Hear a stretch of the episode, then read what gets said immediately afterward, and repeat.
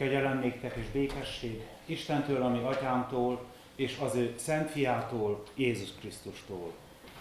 Amen.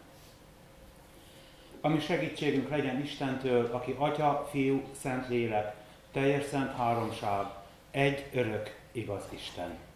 Amen. Énekeljük testvéreim kezdő énekként Isten dicsőségére a 33. Zsoltárnak első és második verseit. 33. Zsoltár első és második verseit énekeljük. Így kezdődik, nosza Istenfélő, szent hívek, örvendezzetek az Úrnak.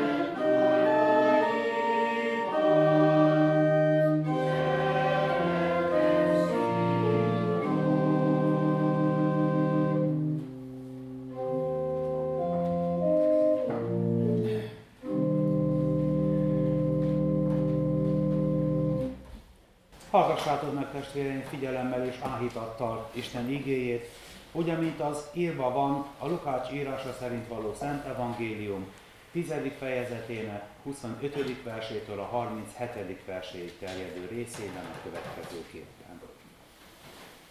Ekkor felállt egy törvénytudó, hogy megkísértse őt, és ezt kérdezte. Mester, mit tegyek, hogy elnyerjem az örök életet? Ő pedig ezt mondta neki, mi van megírva a törvényben? Hogyan olvasod?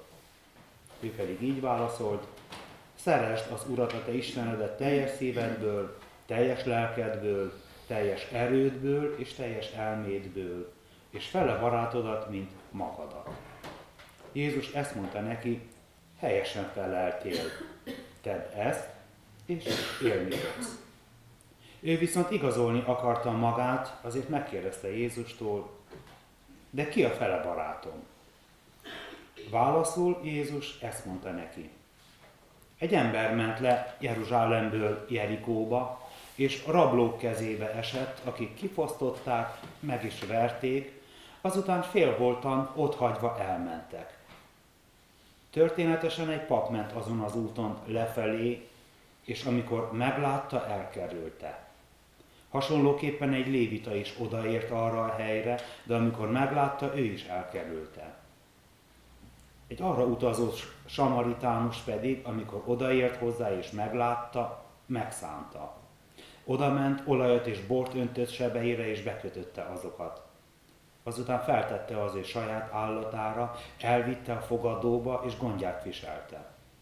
Másnap elővett két dénárt, odaadta a fogadósnak, és azt mondta neki, viselj rá gondot, és ha valamit még ráköltesz, amikor visszatérek, megadom neked.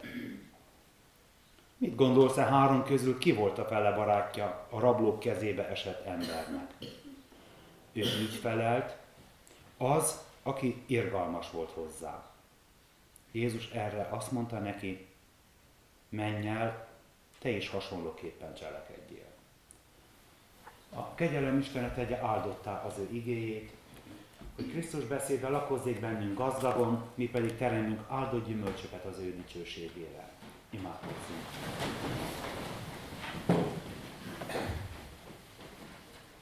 Úristen, örökkévaló és mindenható atyám, íme egybegyűltünk itt és a szentek egyességében, az angyalok és vezőlt lelkek társaságában trónusod elé visszük áldozatunkat. Megvalljuk és megismerjük szent felséget előtt, hogy szegény bűnösök vagyunk. Bűnben fogantatva hajlandók minden rosszra, és soha meg nem szűnünk áthágni szent rendeléseidet. Mikor ezt cselekedjük, igazságos ítéletedből romlást és kárhozatot vonunk magunkra. Mindazáltal, Uram, bánjuk, hogy téged megbotránkoztattunk, s kárhoztatjuk magunkat és bűneinket, igaz bűnbánattal kérve, hogy a te kegyelmed jöjjön segítségül mi népünk. Alázattal kérünk, szerető, irgalmas atyám, hogy könyörülj rajtunk. Töröld el bűneinket, növeld és sokasíts meg rajtunk napról napra szent lelked ajándékait, hogy igaz bűnbánatunk teremje a megtérés gyümölcseit, amelyek kedvesek te előtted. Vallást teszünk azért a te színed előtt, hogy egyszülött fiadba, a mi Úrunk Jézus Krisztusba vetjük egyedül hitünket és reménységünket, bizonyosak lévén afelől, hogy hit által részeseivé lehetünk a te benne kijelentett kegyelmednek, melyet adj meg nekünk itt és az örökké valóságban az ő nevéért. Amen.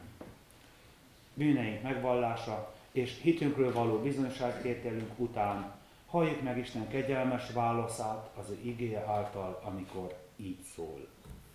Úgy szerette Isten a világot, hogy az ő egyszülött fiát adta, hogy aki hisz benne, el ne veszem, hanem örök élete legyen. Amen.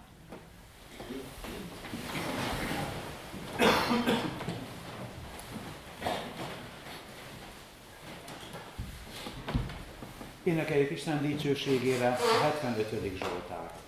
A 75. Zsoltárnak mindhárom verseit Dicsérünk téged, Isten, dicséret légyen néked.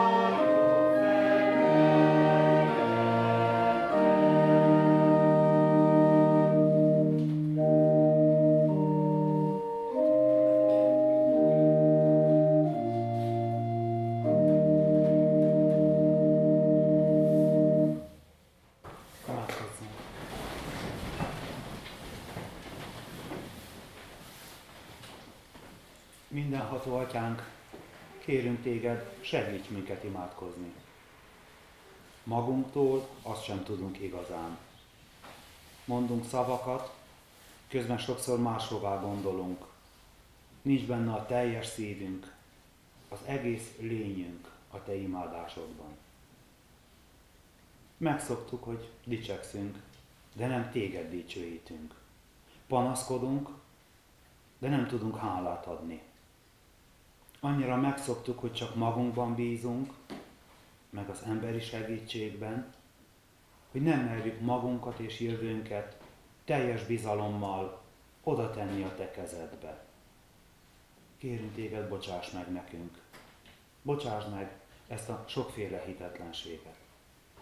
Valljuk, hogy mindenható Úr vagy, akinek minden lehetséges.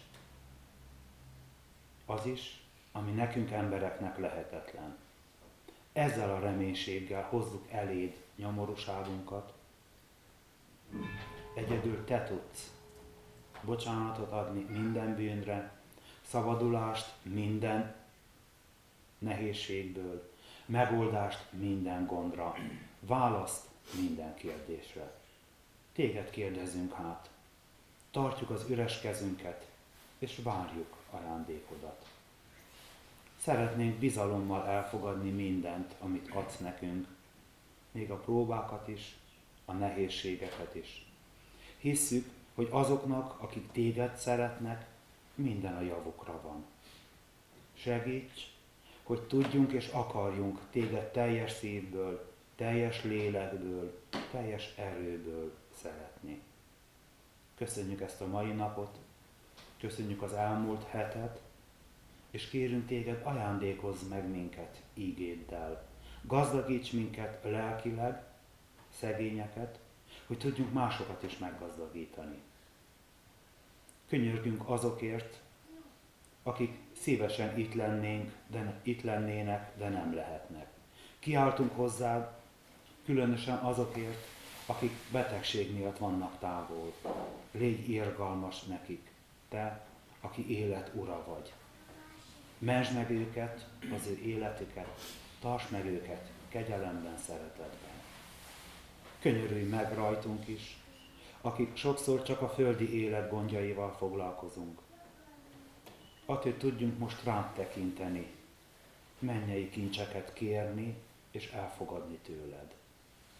Adj nekünk fogékony szívet, add, hogy magunkra vegyük azt, amit nekünk mondasz. Kérünk, te szólalj meg az írott ígén és annak magyarázatán keresztül, és adj nekünk igazi életet, örök életet, és hallgass meg kegyelmesen most, és örökkön örökké, és minden időben. Amen.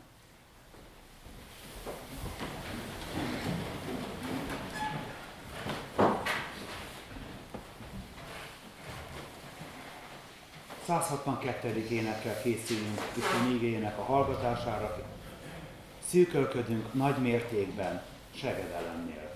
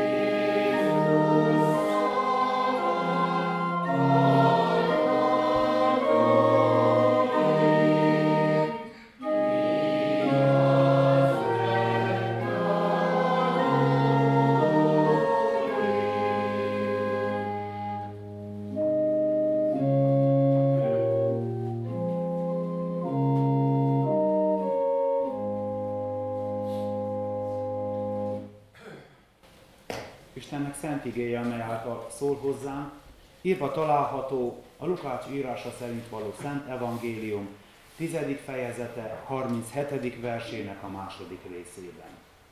Hogy Istennek szent igéje miképpen van megírva, a Lukács írása szerinti Szent Evangélium 10. fejezete 37. versének a második részében felolvasom, hallgassátok meg figyelemmel és alázatos lélekkel.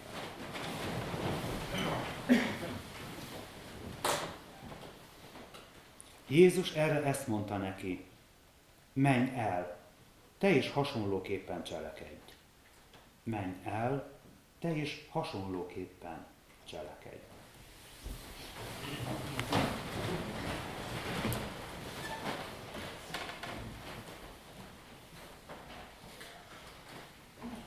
Ezt a példázatot hallgattuk az elmúlt hét napjain. Talán az egyik legismertebb újszövetségi történetről van szó, és mégis annak ellenére, hogy nagyon ismert, néhány fontos igazságot meg kell, hogy fogalmazzunk, amelyek Jézus tanításából következnek. Az első az, hogy az irgalmasság jellegzetesen isteni tulajdonság. Istenről azt olvassuk nagyon-nagyon sok helyen a Szentírásban, hogy ő irgalmas Isten. És nyugodtan tegyük fel a kérdést, hogy ki az, aki irgalmas. Röviden úgy tudunk erre a kérdésre választ adni, hogy az, aki segít másokon. Tehát az irgalmas az, aki másokon segít. Ezt azonban ki kell egészítenünk legalább azzal, hogy aki érdek nélkül segít másokon. Tehát irgalmas az, aki nem úgy bánik a másikkal, ahogy azt megérdemelné, hanem sokkal jobban. Jézusról is nagyon-nagyon sokszor olvassuk, hogy elnézve a sokaságot, vagy szemlélve az embereket, megszánta őket. Könyörületességre indult, irgalmas volt, vagy egyszerűen csak megsajnálta őket. És hozzájuk szólt, és tanította őket, és vezette őket. Ezzel szemben egyre inkább azt kell látnunk, hogy az az ember, aki elszakad Istentől, az minden csak nem irgalmas. Az mindig irgalmatlan. Mindjárt az első esetben kiderült ez. Gondoljunk csak Káinra, aki agyonütötte a testvérét, és az irgalmatlanság azóta is csak növekszik az emberek között. Ma már nem csak szerzésvágyból, uralomvágyból, hatalomvágyból vagy bosszúból irgalmatlan valaki, hanem kezd elterjedni az a teljesen öncélú, haszon nélküli irgalmatlanság, kegyetlenkedés. Egyeseknek ez válik az élet céljává, ez válik a lét elemévé, hogy másokkal rosszat tesz, másoknak rosszat kíván, másokat mindenféleképpen el akar ásni, ártani akar nekik. Rohamosan nő az olyan esetek száma is, amikor egyszerűen csak valaki belehajt a sokaságba, és halálra tipor többeket, vagy súlyosan megsebesít tízeket, százakat. És nap mint nap találkozunk ezzel az értelmetlen károkozással, ezzel az irgalmatlan közönnyel, amikor valaki így viszonyul a másik emberhez de ugyanakkor ott van a másik embernek a megszégyenítése, a megalázása, és mindezt élvezettel teszik. Az Isten nélkül maradt ember az árva, az egyedül van. Annak nincs senkie. Érzi a kiszolgáltatottságát és fél. És félelmében válik agresszívvé, és nincs tekintettel másokra, nincs tekintettel senkire. Aki irgalmas lelkülettel él, aki megkapja Istentől ezt az ajándékot, az mindig idegennek érzi magát ebben a kegyetlen világban. Jézus is egy ugyanolyan, vagy ugyanilyen kegyetlen világba jött el, és annyira más volt, mint az őt körülvevő sokaság. Annyira idegen volt. Viszont ő mégis arra bátorít, arra bíztat, arra tanít, azt parancsolja nekünk, a hívőknek, hogy merjünk irgalmasok lenni mindenkor és minden időben. Még ebben az irgalmatlan közegben is, ahol élünk. Mert ő ehhez is erőt ad nekünk. Erőt ad azoknak, akik valljuk azt, hogy igenis tőle kapunk irgalmasságot. Mert az irgalmas ember az életet mindenkor gazdagítja. Sőt, sokszor életet ment. Az irgalmasság tehát jellegzetesen Isten tulajdonsága, de azoké is válhat, akiket az ő szent lelke újjászül. A második dolog, ami kiderül ebből a példázatból, hogy Jézus tanítása szerint az irgalmasságnak azért mégis van egy feltétele, de egyetlen egy feltétele. Ez nem más, hogy, mint az, hogy a másik embernek, annak, aki bajban van, annak szüksége van a segítségre. És azonnal megfogalmazódik a kérdés, ki az a másik? Aki valóban irgalmas lelkülettel él, az soha nem kérdezi meg, hogy ki a másik. Az soha nem azt kérdezi, hogy ki az, hanem azt kérdezi, hogy mire van szüksége annak, aki bajban van. Tud adni neki. Nem az a kérdés, hogy kinek. Most azonnal tud, vagy talán még valamit meg kell tennie annak érdekében, hogy adhasson, de oda tud lépni és tud adni ezzel szemben. A mai ember nagyon-nagyon sokszor, akkor, amikor segítséget kérnek tőle, mindenek előtt azt kérdezi, kiről van szó, kinek kell a segítség.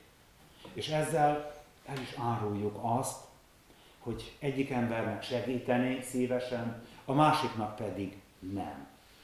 Vagyis adott esetben készek vagyunk irgalmasnak lenni, más esetben nem. Jézus azt tanítja, hogy egyáltalán nem szempont az, hogy kinek kell segíteni, hanem az, hogy mivel lehet segíteni. És fogalmazódik a következő kérdés bennünk, és nem csak bennünk, hanem Jézus minden hallgatójában. És ha ellenségről van szó, és pont erről beszél Jézus. Pont ezt élezi ki ebben a példázatban. A samáriaiak és a zsidók, ismerjük a történetet, ellenségek voltak. Hithű zsidó át sem ment Samária tartományán, inkább gyalogolt még két napot, de messze évben elkerülte. Kétszer is átkelt a Jordánon, ahhoz, hogy Galileából, például Názáretből eljusson Jeruzsálembe. Nem egyenesen ment át a hegyeken, azokon az utakon, amelyek átvisznek Samárián, hanem egy nagyot került, csak azért, hogy ne lássa a samáriaiakat. És akkor ott van a félholtra vert zsidó, és jön egy samáriai. Képzeljük magunk elé egy kicsit Jézusnak az akkori hallgatóságát. Vajon mire gondoltam? Hogy mi lesz Jézusnak a következő szava? Ott a félholtra vert zsidó, jön a samáriai, leszáll a szamaráról, és mit csinál? Belerúg. Teljesen elvégzi, vagy befejezi azt, amit a rablók elkezdtek? Nem teljesen más tesz, mint amire gondolnánk. Harmadik dolog, amire figyelnünk kell, hogy kiderül a példázatból, hogy az irgalmasság az mindig belülről jön, az ember szívéből, de látható és kézzelfogható cselekedetekké alakul át. Az ember szíve mozdul meg először utána pedig megmozdítja a kezét, a lábát, a gondolatait, és tényleges segítség lesz a kényszerhelyzetből. Olyan szépen fogalmaz ezt a magyar nyelvünk, amikor azt mondja, hogy az irgalmas embernek összeszorul a szíve, akkor, amikor valami gondot, valami bajt, valami szenvedést lát.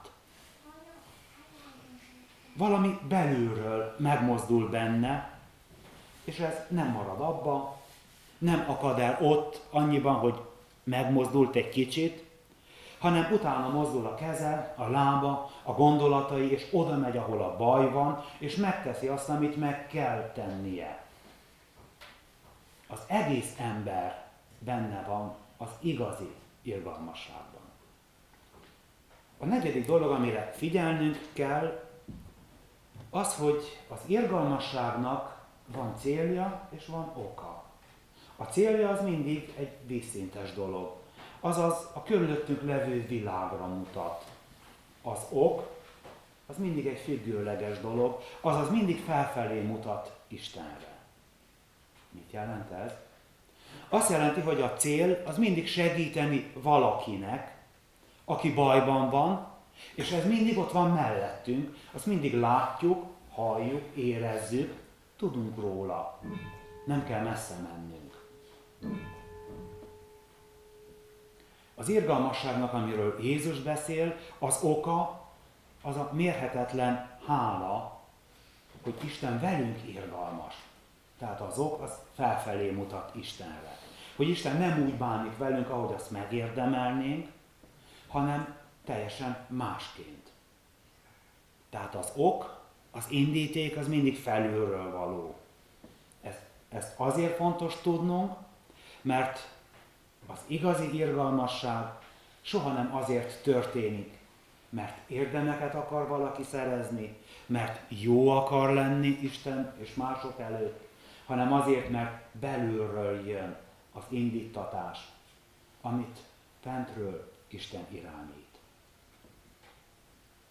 Még azt is meg kell említenünk ötödikként, hogy az irgalmasság sokszor veszélyes dolog. Meg lehet közben sérülni, rá lehet fizetni, sőt, bele is lehet halni a segítségnyújtásba. Miközben valakit segítek, lehet, hogy lemaradok a versenyben. Lehet, hogy hátrányos lesz számomra, mert valaki megelőz. Valaki elviszi előlem a nagy üzletet, megvásárolja az utolsó darabot abból, amit szerettem volna, vagy akármi más történik. Nem véletlen, hogy többen elkerülték Jézus példázatában a félholtra vert embert. Mondhatnánk viccesen, hát volt annyi eszük az arra járóknak, hogy gondoltak arra, hogy azok a rablók, akik azt a szerencsétlen kifosztották, félholtra verték, lehet, hogy ott bujkálnak a szomszéd fa vagy a, a szikla mögött, és a következő áldozat pont az lesz, aki lehajol segíteni. És kinek jó az, ha a segítséget nyújtott embert is jól elverik? A samáriai viszont nem így gondolkodott. Ő vállalta a kockázatot. Ő vállalta a veszélyt, mert számára mindennél fontosabb volt, hogy aki bajban van, azon segíteni kell. Ez neki belülről jött. Nem más diktálta neki. Nem a helyzet, nem a kényszer, nem megfelelni akart. Bentről jött az indítatás. Nagyon szemléletesen írja le Jézus a példázatban. Hallottuk az elmúlt hét napjain, az előbb is, hogy amikor odaért hozzá és meglátta, megszánta. Oda ment, olajat és bort öntött a sebeire, bekötözte, azután feltette a saját állatára, elvitte egy fogadóba és ápolta, másnap elővett két dénárt, odaadta a fogadósnak, és azt mondta, hogy viselj rá gondot. Három mozzanatát látjuk ebben az irgalmasságnak. Az első az, hogy meglátta. És itt kezdődik maga a történet lényege. Sokszor észre sem vesszük azokat, akiknek segítségre van szükségük. Akik bajba jutottak körülöttünk. Vagy azért, mert tele vagyunk a magunk bajával, amiből sajnos van bőven, vagy azért, mert egyáltalán nincs beállítva a mi lelkünk arra, meg a szemünk arra, hogy megérezzük és meglássuk a bajba jutott embert. Hogy egyszerűen nem akarjuk észrevenni, mert akkor segíteni kell az pedig időbe telik, fáradtságba telik, sokszor pénzbe telik. A samaritános meglátta, és ugyanúgy nekünk is meg kell látnunk, de ehhez kérnünk kell Jézustól irgalmas szemet. A második dolog az, hogy azután megszánta. Itt van az, hogy olyan szépen fogalmaz a magyar nyelvünk, összeszorult a szíve. Megmozdult benne a szíve. Kiderült, hogy a samaritánusnak is van. Van érző és együttérző szíve, még az ellenséggel is. Nincs egészen tele a saját gondjával, mert biztosan volt neki is gondja bőven, de egy kicsi hely mindig maradt a másiknak, a másik gondjának is. Jellemző-e ez ránk? Vagy nem? Meglátjuk, és megszálljuk azt, aki bajban van. Ezt kell tennünk. Vagy egyszerűen tovább megyünk az úton? Harmadik dolog az, hogy oda ment, oda hajolt hozzá. És innen következik a többi. Nem kívülről ad okos tanácsot, mint ahogy sokan teszik ma. Nem távolról mond véleményt a helyzetről, anélkül, hogy igazán ismerni a helyzetet. Nem a közbiztonságot szídja, vagy azokat, akik felelnek a közbiztonságért, hanem mivel ő vette észre a bajt, ő megy oda és lehajol. Lehajol. Nem leereszkedik és megalázza az elesettet, hanem lehajol hozzá és segít rajta. És ezután következik a többi. Olajat és bort önt a sebekbe. Ma azt mondanánk, hogy kinyitja a csomagtartóját az autójának, kiveszi azt az első dobozt, amit jó drágán kell bizonyos időnként felújítani, vagy újat tenni belé, és kibontja, és kitisztítja a sebeket. Olajat és bort önt a sebre, azaz fertőtleníti és kitisztítja a, a, a, a sebeket. Nem a feleslegéből dob oda valamit a szerencsétlennek, hanem ahhoz nyúl, ami számára fontos, ami számára létszükséglet. Ahhoz az olajhoz és ahhoz a borhoz, amire saját magának szüksége van, hiszen tudjuk, abban a korban a két legfontosabb dolog volt. Az olaj a mindennapi élethez kellett, az élelmezéshez, a bor ugyanoda, hiszen a, az akkori vizeket valamivel egy kicsit fertőtleníteni kellett, ihatóvá tenni, erre használták. Azon kívül sebfertőtlenítésre is.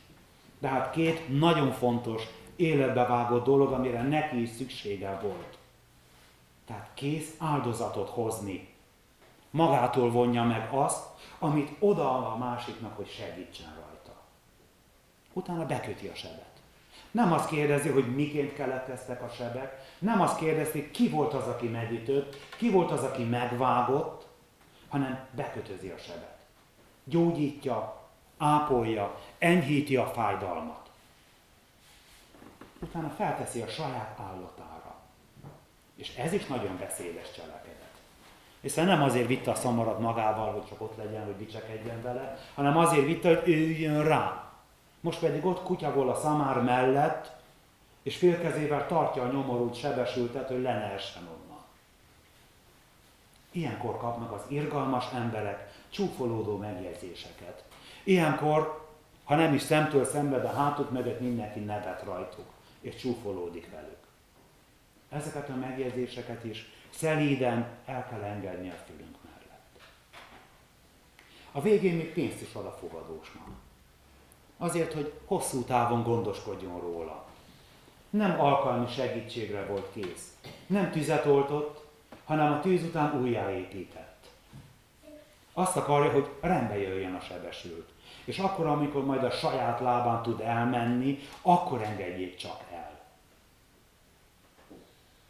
Sok minden belefér az irgalmasságba. Sokszor az is, hogy pénzt is lehet adni annak, akiről gondoskodni kell. A bibliai mértéket nagyon nehéz kiszámolni. Az akkori dénárnak a mai értékét nem igazán tudjuk mai pénzben visszaadni. Azt azonban, vagy annyit azonban lehet tudni róla, hogy Jézus korában az egynapi napszám volt egy dénár. Tehát a napszámos egy dénárt keresett. Ez két dénárt ad oda a samaritánus a fogadósnak. Mindenki ki tudja számítani, hogy az mennyi mai pénzben.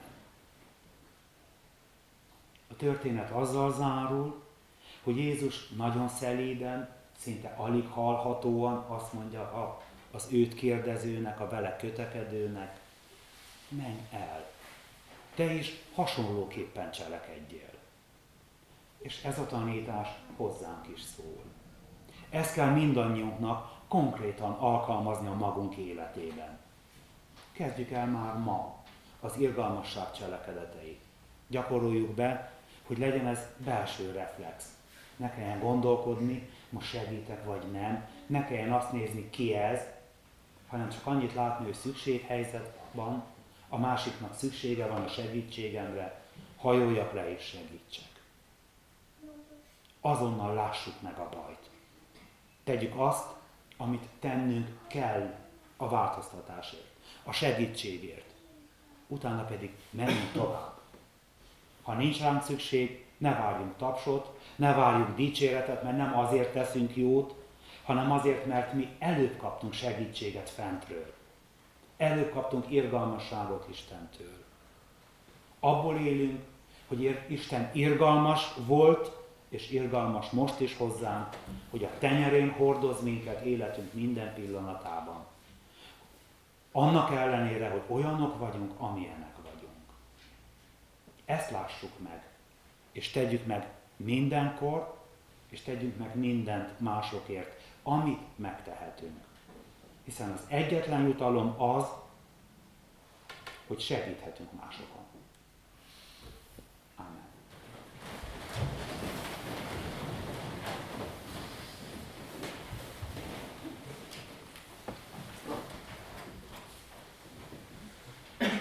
436. énekünkkel válaszoljunk Isten ígéjére. 436. énekünk így kezdődik. Vezes Jézusunk, és véled indulunk.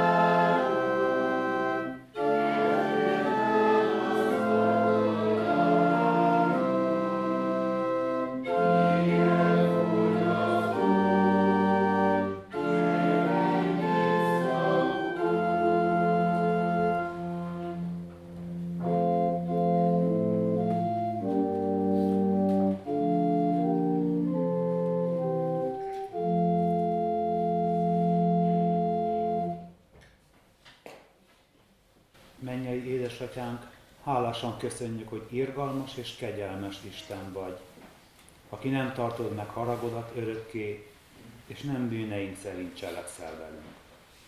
Ennek köszönhetjük, Atyánk, hogy még mindig életben vagyunk, és még ma is hallhattuk a Te bíztató, bátorító szavadat.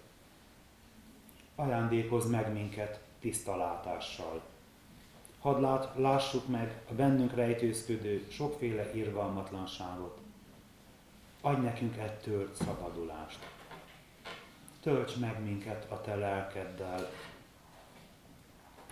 aki könyörülő és irgalmas lélek, és ebben a kegyetlen világban hadd legyen reánk jellemző a te irgalmasságod. Segíts ezt elkezdeni rajtunk. Adj nekünk irgalmas szemet, hogy így áldást nyerjünk. Tégy készé, tedd készé a mi egész lényünket arra, hogy másokért éljünk.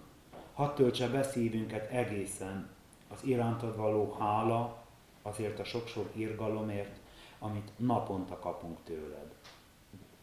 Hadd menjen át rajtunk, és jusson el azokhoz, akiknek szükségük van rá. Könyörgünk hozzád azokért, akik erről a lehetőségről még nem tudnak, akik kegyetlenkednek, akik irgalmatlanok. Segítsd őket erre a világosságra. Könyörgünk azokért, akik a sokféle kegyetlenség áldozatai. Légy irgalmas nekik. Könyörgünk hozzá, ami leghétköznapink gondjainkért, feladatainkért.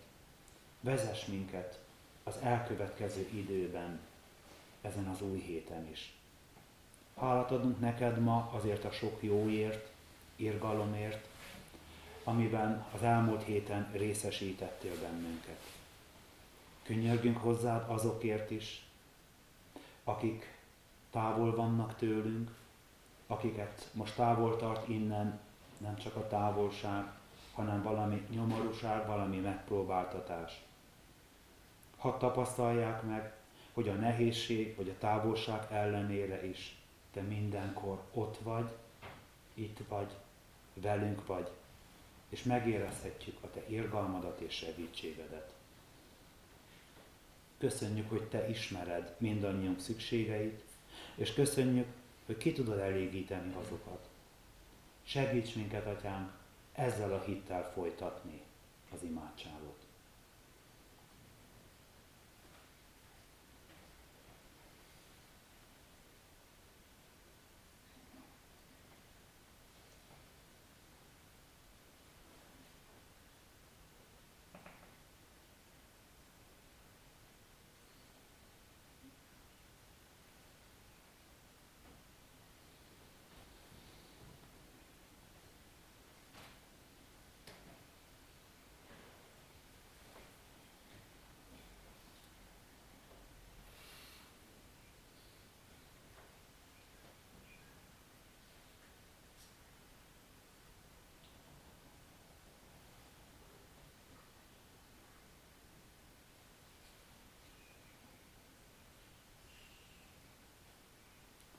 Áldott a mi Urunk, aki mindenkor meghallgatja könyörgésünket. Amen. Mi atyánk, aki a mennyekben vagy, szenteltessék meg a te neved. Jöjjön el a te országod, legyen meg a te akaratod, amint a mennyben, úgy a földön is. Minden napi kenyerünket add meg nékünk ma, és bocsáss meg védkeinket, miképpen mi is megbocsátunk az ellenünk védkezőknek. És ne vigy minket kísértésbe, de szabadíts meg a gonosztól, mert tiéd az ország, a hatalom és a dicsőség mind örökké. Amen.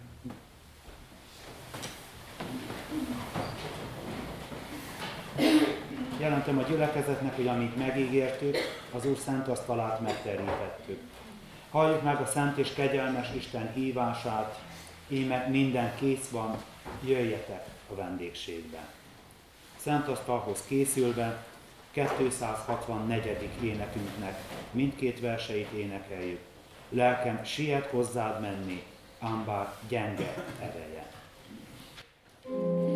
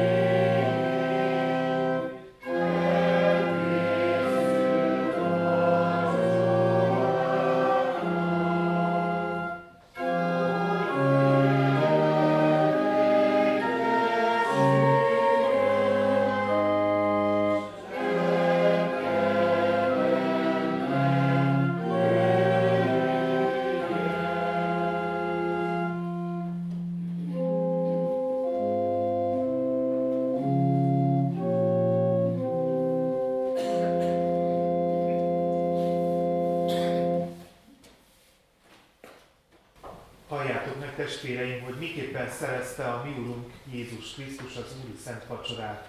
Legteljesebben Pálapostól írta meg az első korintusi levél 11. fejezetének 23. és azt követő verseiben a következő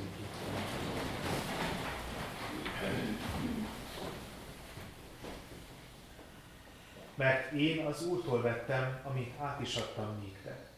Az Úr Jézus azon az éjszakán, amelyen elárulták, vette a kenyeret, hálát adva megtörte, és ezt mondta. Ez az én testem, amely ti érettetek, töretett meg.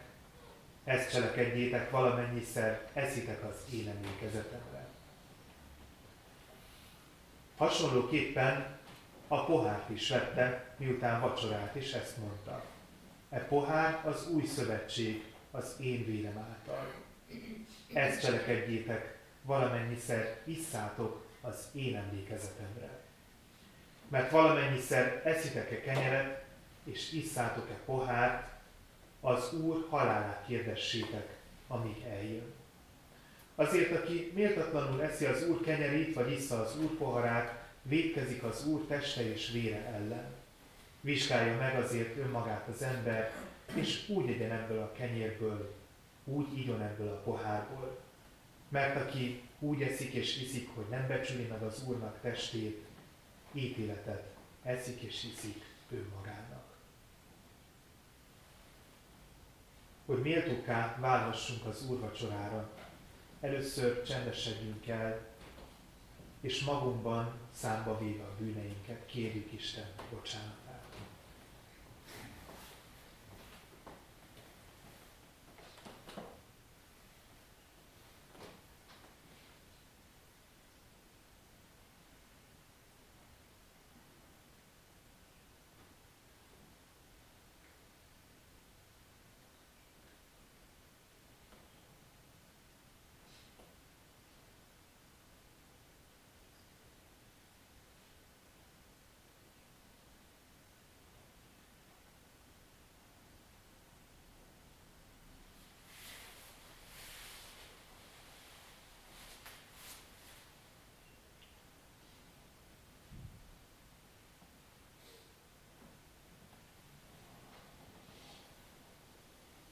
Miután csendben imádkoztunk az Úrhoz, könyörögjünk együtt kegyelméért és megújító szent lelkéért.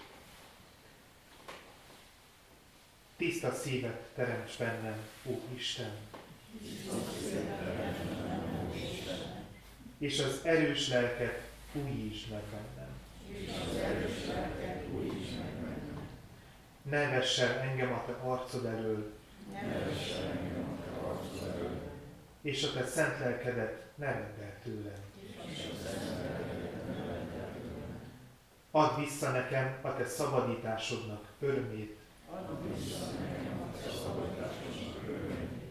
És engedelmesség lelkével támogass engem. Amen. Miután vallást tettünk a bűneinktől, és Istenhez könyörögtünk kegyelméért, megújított szent lelkéért. Valljuk meg együtt a hitünket, mondjuk el az egyetemes keresztény Anya Szent Egyház hitvallását.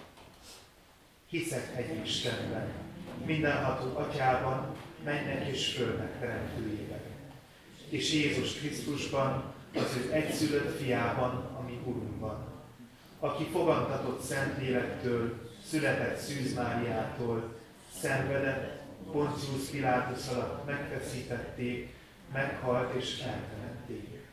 Alászállt a poklokra. Harmadnapon feltámadt a halottak közül, felment a mennybe, ott ül a mindenható Atya Isten jobbján. Onnan jön el ítélni élőket és holtakat.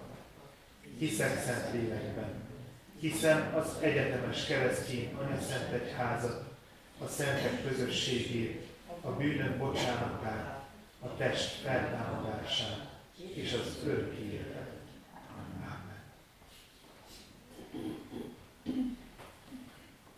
Hitvallás tételünk alapján most a következőket kérdezem. Hiszitek-e, hogy az Istentől igazságban, szentségben és ártatlanságban teremtett első emberpár bűnesetet folytán ti magatok is bűnösök vagytok, kik saját erőtökből Isten ítélő széke előtt meg nem állhattok, sőt büntetést, halált és kározatot érdemeltek. Hiszitek-e, valljátok-e ezt? Másodszor hiszitek-e, hogy Isten a bűnös emberen megkönyörül. Szent fiát, az Úr Jézus Krisztust megváltásunkra testben elbocsátotta, kinek egyszeri és tökéletes áldozatával a bűn hatalmát és a kárhozat erejét elvette, titeket ingyen kegyelméből megváltott, és bűneiteket ő érte megbocsátja. Hiszitek-e, valljátok-e ezt? Harmadszor hiszitek-e, hogy Isten, aki feltámasztotta az Úr Jézus Krisztust, általa minket is feltámaszt a halálból, és a földi élet után nekünk örök életet ajándékoz. Hiszitek-e, valljátok-e ezt? Végül ígéritek-e, fogadjátok-e, hogy ti e kegyelemért hálából életeteket az Úrnak szentelitek, és már a jelen való világban, mint az ő megváltottai, az ő dicsőségére éltek. Ígéritek-e, fogadjátok-e ezt? Én is mindezeket veletek együtt hiszem és vallom, ígérem és fogadom. Most azért én, mint az én Uramnak, méltatlan bár, de megbízott szolgája, hirdetem a bűnök bocsánatát és az örök életet, amelyet megad a mi Urunk ingyen kegyelméből egyedül a Krisztus érdeméért. Amen.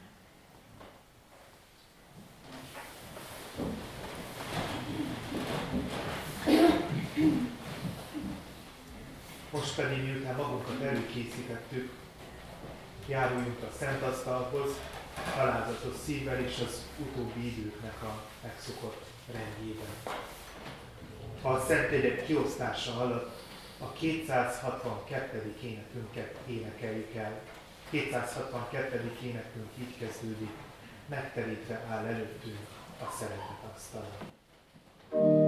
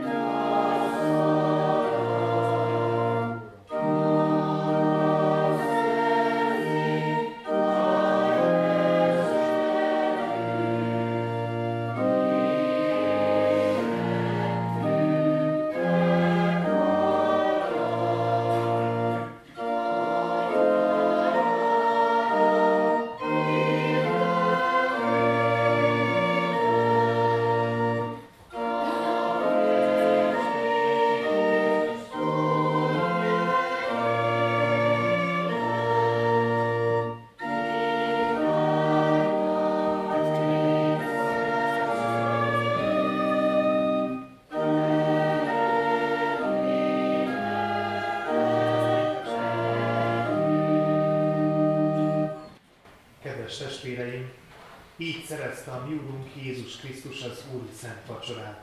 Így értek fel az apostolok, a reformátorok, hitvalló őseink, és az áldott alkalommal így éltünk vele mi is. Mielőtt elbocsátanánk titeket, kérünk és intünk, hogy Isten kegyelmét hiába valóvá ne tegyétek a ti szívetekben.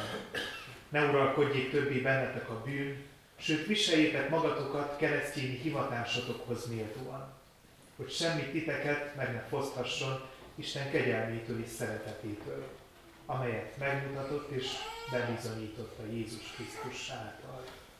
Legyetek, mint az ő szentjei és szerettei, könyörületesek, öltözzétek fel a jóságot, az alázatosságot, a szelítséget és a béketülést.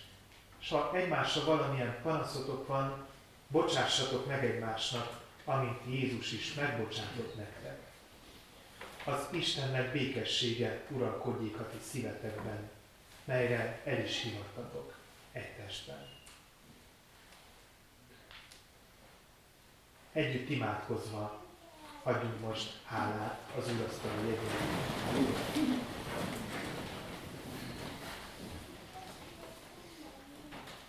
Menjél, édesatyánk!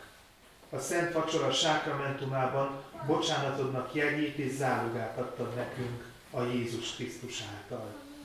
Mit adjunk mi tenéked a te jó téteményeidért? Hirdetjük egész életünkben a te kegyelmednek gazdagságát, amely által minket gyermekeidé fogadtál, és a te örökségedbe elválasztottál. Istenünk, nagy áron váltottál meg minket, melyért téged magasztalni, lelkünket és testünket te neked szentelni. Ez lesz életünk öröme. Fogadd el, Urunk, hálánkat, és segíts minket a Te kegyelmeddel, hogy amit neked e szent alkalommal fogadtunk, be is teljesíthessük. Legyünk hülyek Te hozzá, mint halálig. Taníts minket akaratot cselekvésére. Szent lelket szüljön minket újjá, hogy mától fogva a Jézus Krisztusba vetett hitben éljünk, akit szeretett minket és önmagát adta életünk. Szentelj meg minket tökéletesen. Tartsd meg testünket és lelkünket szentségben, fethetetlenségben, amíg eljön a mi megváltó Jézusunk, kinek veled, mi atyánkkal és a Szent Lélekkel, ami vigasztalónkkal együtt legyen örökkévaló hála és dicsőség. Amen helyünket elfoglalva a 175. énekünket énekeljük el. A 175. énekünk első szakasza így kezdődik, Uram, bocsássad el szolgádat békével. thank you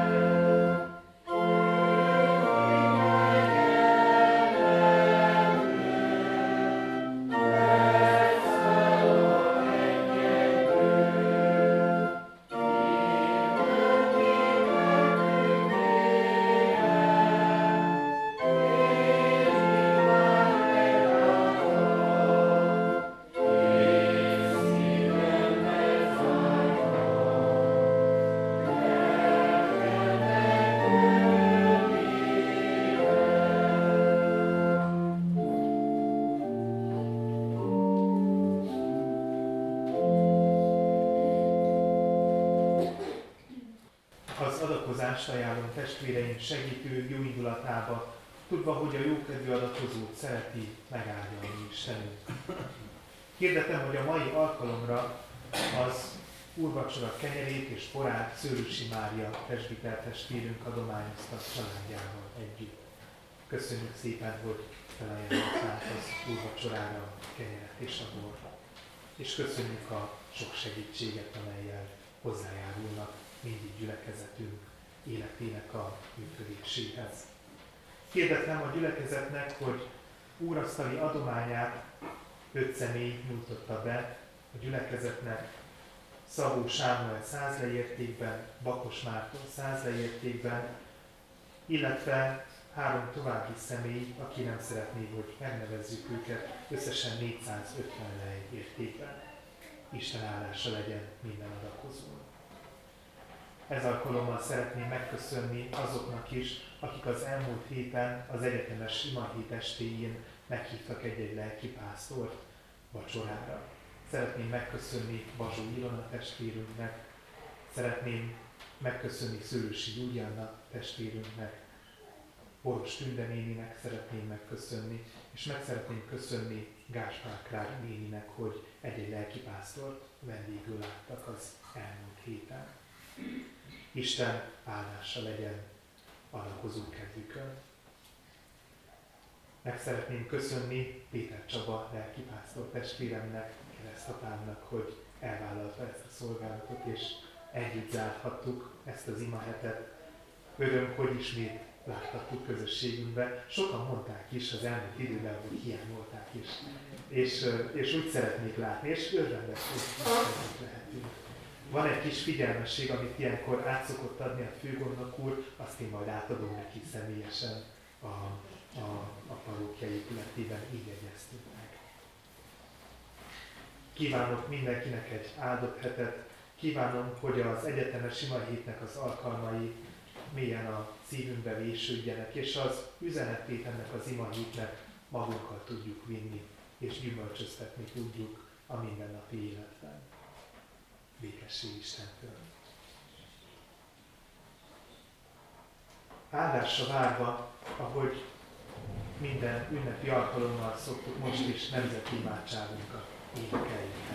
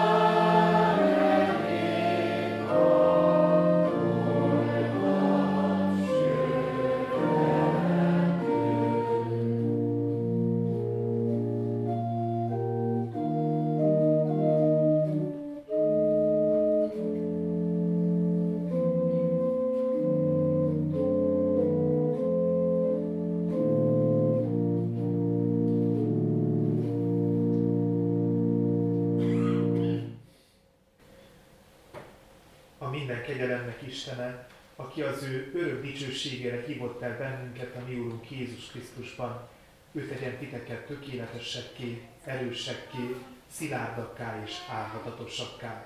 Övi a dicsőség, övi a hatalom örökkön örökké.